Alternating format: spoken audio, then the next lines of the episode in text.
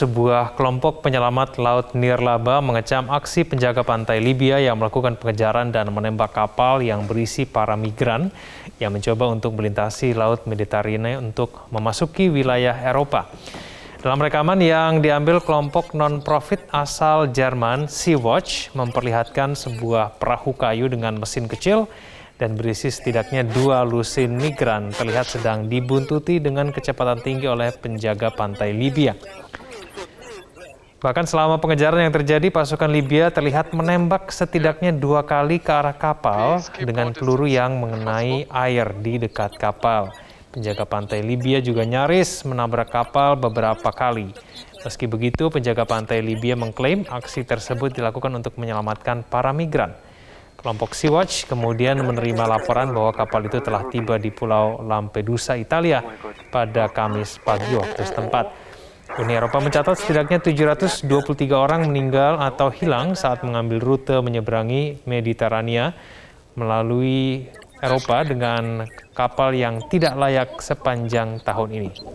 Pemilik bisnis dan pejabat Taman Nasional Zion di Utah, Amerika Serikat masih membersihkan dan menghitung kerusakan pasca banjir bandang yang terjadi pada Selasa waktu setempat.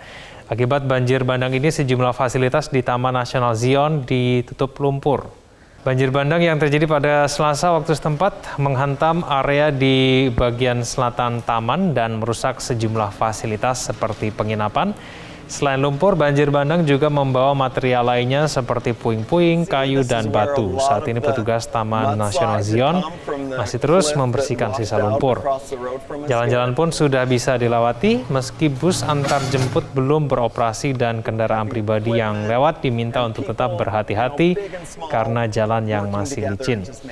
Zion dan wilayah bagian barat daya Amerika Serikat lainnya mengalami musim hujan selama musim panas ini di mana badai petir pada sore hari dapat membawa hujan lebat yang berpotensi menyebabkan banjir.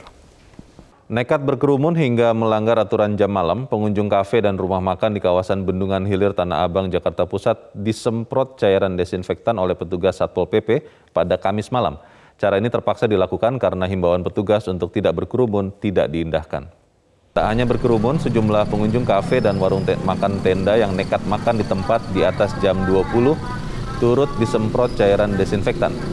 Adanya penyemprotan sontak membuat para pengunjung kaget dan pergi berhamburan. Selain menyasar kafe dan warung tenda, warung makanan tenda, petugas turut menyemprotkan cairan desinfektan ke sekumpulan muda-mudi yang tengah asyik nongkrong di sebuah taman, meski taman itu telah ditutup petugas. Menurut Lurah Bendungan Hilir, cara ini terpaksa dilakukan karena petugas yang setiap hari memberikan himbauan tidak diindahkan. Selain melakukan pembubaran kerumunan dengan cara menyemprotkan cairan desinfektan, petugas ikut melakukan penyegelan 3 kali 24 jam terhadap kedai kopi yang nekat menyediakan fasilitas makan di tempat di atas pukul 20. Razia serupa rencananya akan gencar dilakukan, mengingat masih ada saja warga yang nekat mengabaikan aturan PPKM, PPKM Mikro di tengah meningkatnya angka penyebaran COVID-19 di Jakarta pemerintah terus mempercepat target vaksinasi untuk mencapai target nasional 1 juta vaksinasi per hari. Di DKI Jakarta, 10 ribu warga ditargetkan menjadi penerima vaksin di J Expo Kemayoran. Untuk informasi selengkapnya akan disampaikan Puja Lestari langsung dari Kemayoran, Jakarta Utara. Selamat pagi, Puja. Bagaimana jalannya vaksinasi di J Expo Kemayoran hari ini? Ya Jason betul sekali hari ini TNI bersama dengan perwakilan umat Buddha Indonesia atau Walubi menggelar vaksinasi massal di J Expo Kemayoran. Vaksinasi massal ini digelar di Hall C1 dan juga D3 J Expo Kemayoran. Dan untuk vaksinasi di J Expo Kemayoran ini vaksinasi sudah berlangsung dari 28 Juni hingga 4 Juli 2021. Rencananya setiap hari ditargetkan akan ada 2.000 orang yang divaksin sehingga total dari 28 Juni hingga 4 Juli 2021 akan ada 10.000 warga negara Indonesia yang menerima vaksin dari serbuan vaksinasi massal di J Expo Kemayoran. Ini merupakan salah satu langkah dan juga bagian dari percepatan vaksinasi yang dilakukan pemerintah untuk mencapai target 1 juta vaksinasi per hari secara nasional. Untuk di J Expo Kemayoran, warga yang akan menerima vaksin merupakan warga berusia 18 hingga 49 tahun. Warga yang dapat menerima vaksin di J Expo Kemayoran ini merupakan warga negara Indonesia yang memiliki warga yang memiliki KTP DKI Jakarta maupun yang tidak memiliki KTP DKI Jakarta. Selama warga tersebut mempunyai KTP Indonesia, maka warga dapat mendaftar secara daring di mitra yang telah bekerja sama dengan Kemenkes, yaitu loket.com.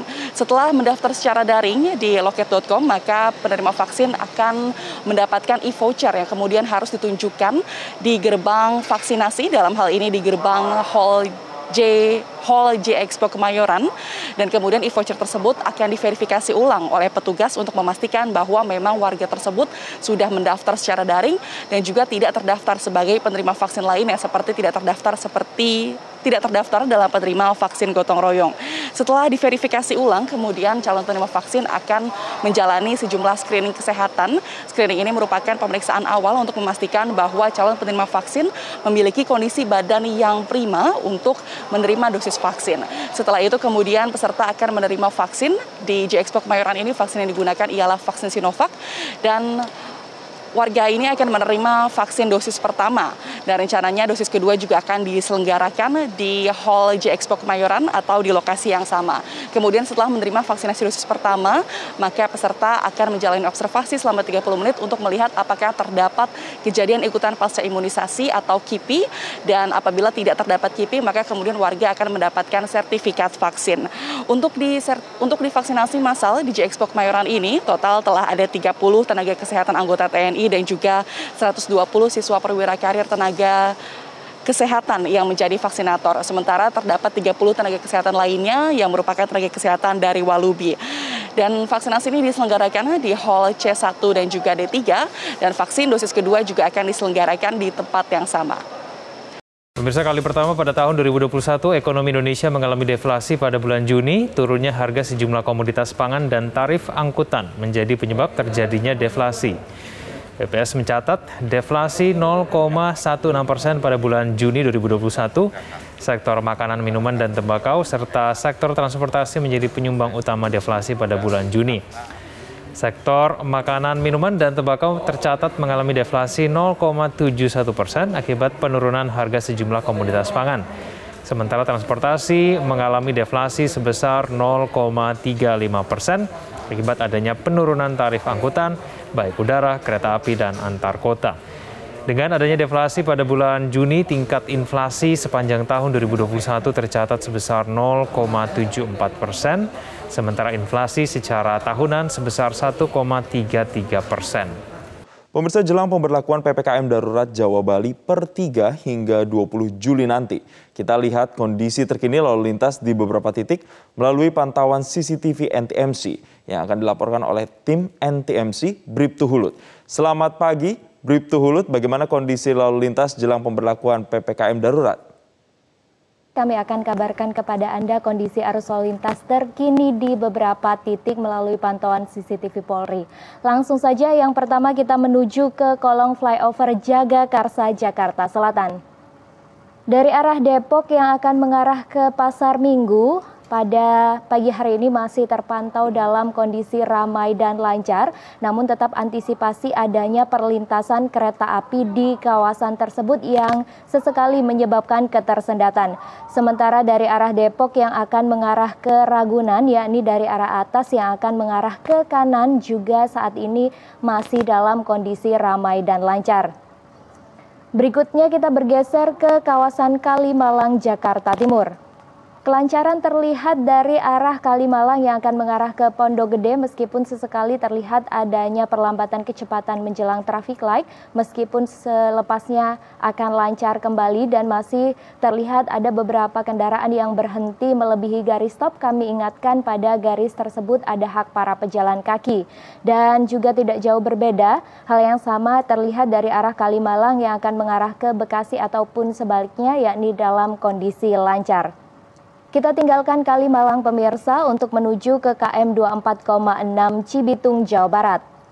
Di tol Cikampek yang akan menuju ke Jakarta, yakni dari arah atas yang akan mengarah ke bawah terpantau lancar, sementara untuk arah sebaliknya terlihat lebih padat meskipun arus lalu lintas juga masih dalam kondisi lancar dan juga cukup banyak kendaraan besar yang melintasi kawasan tersebut sehingga kami himbau untuk tetap jaga konsentrasi Anda dalam berkendara. Terakhir kita lihat kondisi arus lalu lintas di Bundaran Cibiru, Bandung, Jawa Barat. Kelancaran terlihat dari kedua arahnya, yakni dari ujung Berung atau Jalan Jakarta yang akan mengarah ke Cilenyi ataupun sebaliknya. Namun kami himbau untuk tetap menjaga batas kecepatan maksimal kendaraan Anda dan juga tetap uh, patuhi rambu-rambu lalu lintas. Pemirsa demi memutus mata rantai penyebaran COVID-19 selalu kami ingatkan di mana pun Anda berada tetap jaga protokol kesehatan. Dan juga Anda bisa laporkan kejadian-kejadian lalu lintas kepada kami dalam bentuk video maupun foto dengan upload di akun sosial media Anda, mention Instagram at NTMC Channel, sertakan hashtag lapor NTMC. Stop pelanggaran, stop kecelakaan, keselamatan untuk kemanusiaan, Indonesia tertib, salam presisi. Kontes ikan cupang yang digelar oleh peternak ikan Kabupaten Kediri, Jawa Timur berhasil masuk Museum Rekor Indonesia dengan dua kategori sekaligus, yakni jumlah peserta terbanyak dan hadiah terbesar. Diharapkan dengan kontes ini, peternak mampu menciptakan genetik asli Kediri serta mampu menggerakkan perekonomian warga di tengah pandemi COVID-19. Kontes ikan cupang tingkat internasional digelar di Convention Hall Simpang 5 Gumul, Kabupaten Kediri. Kontes ini tidak hanya diikuti peserta dari kota-kota besar di Indonesia, namun juga diikuti peserta dari mancanegara seperti Thailand, Filipina, Singapura.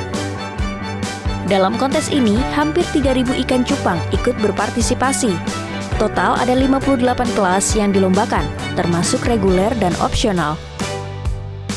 Kontes ikan cupang yang digagas oleh para peternak ini memecahkan dua kategori rekor Museum Indonesia yakni jumlah peserta terbanyak dengan 2.457 ekor ikan dan rekor dengan hadiah terbanyak dengan total 196 juta rupiah.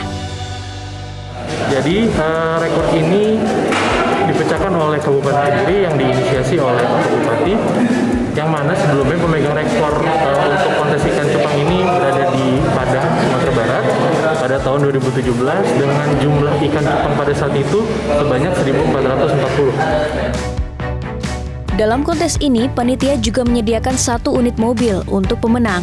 Hadiah mobil dimenangkan oleh peserta dari Surabaya yang tergabung dalam grup Bajul Joget yang mengikuti semua kelas dengan membawa 425 ekor ikan cupang. Eh, jumlah populasinya di kabupaten itu sampai 140 juta ikan. Ekonomisnya sekitar 40 sekian miliar. Jadi ini cukup tinggi, eh, salah satu komoditas ikan yang nilai ekonomisnya cukup tinggi. Paling pertama itu kalau nggak salah lele, kedua koi, ketiga cupang. Kabupaten Kediri dikenal sebagai sentra budidaya ikan cupang terbesar Para peternak tersebar di beberapa kecamatan seperti di Kecamatan Ngadilui, Ngasem, Gurah, dan Kecamatan Kandat.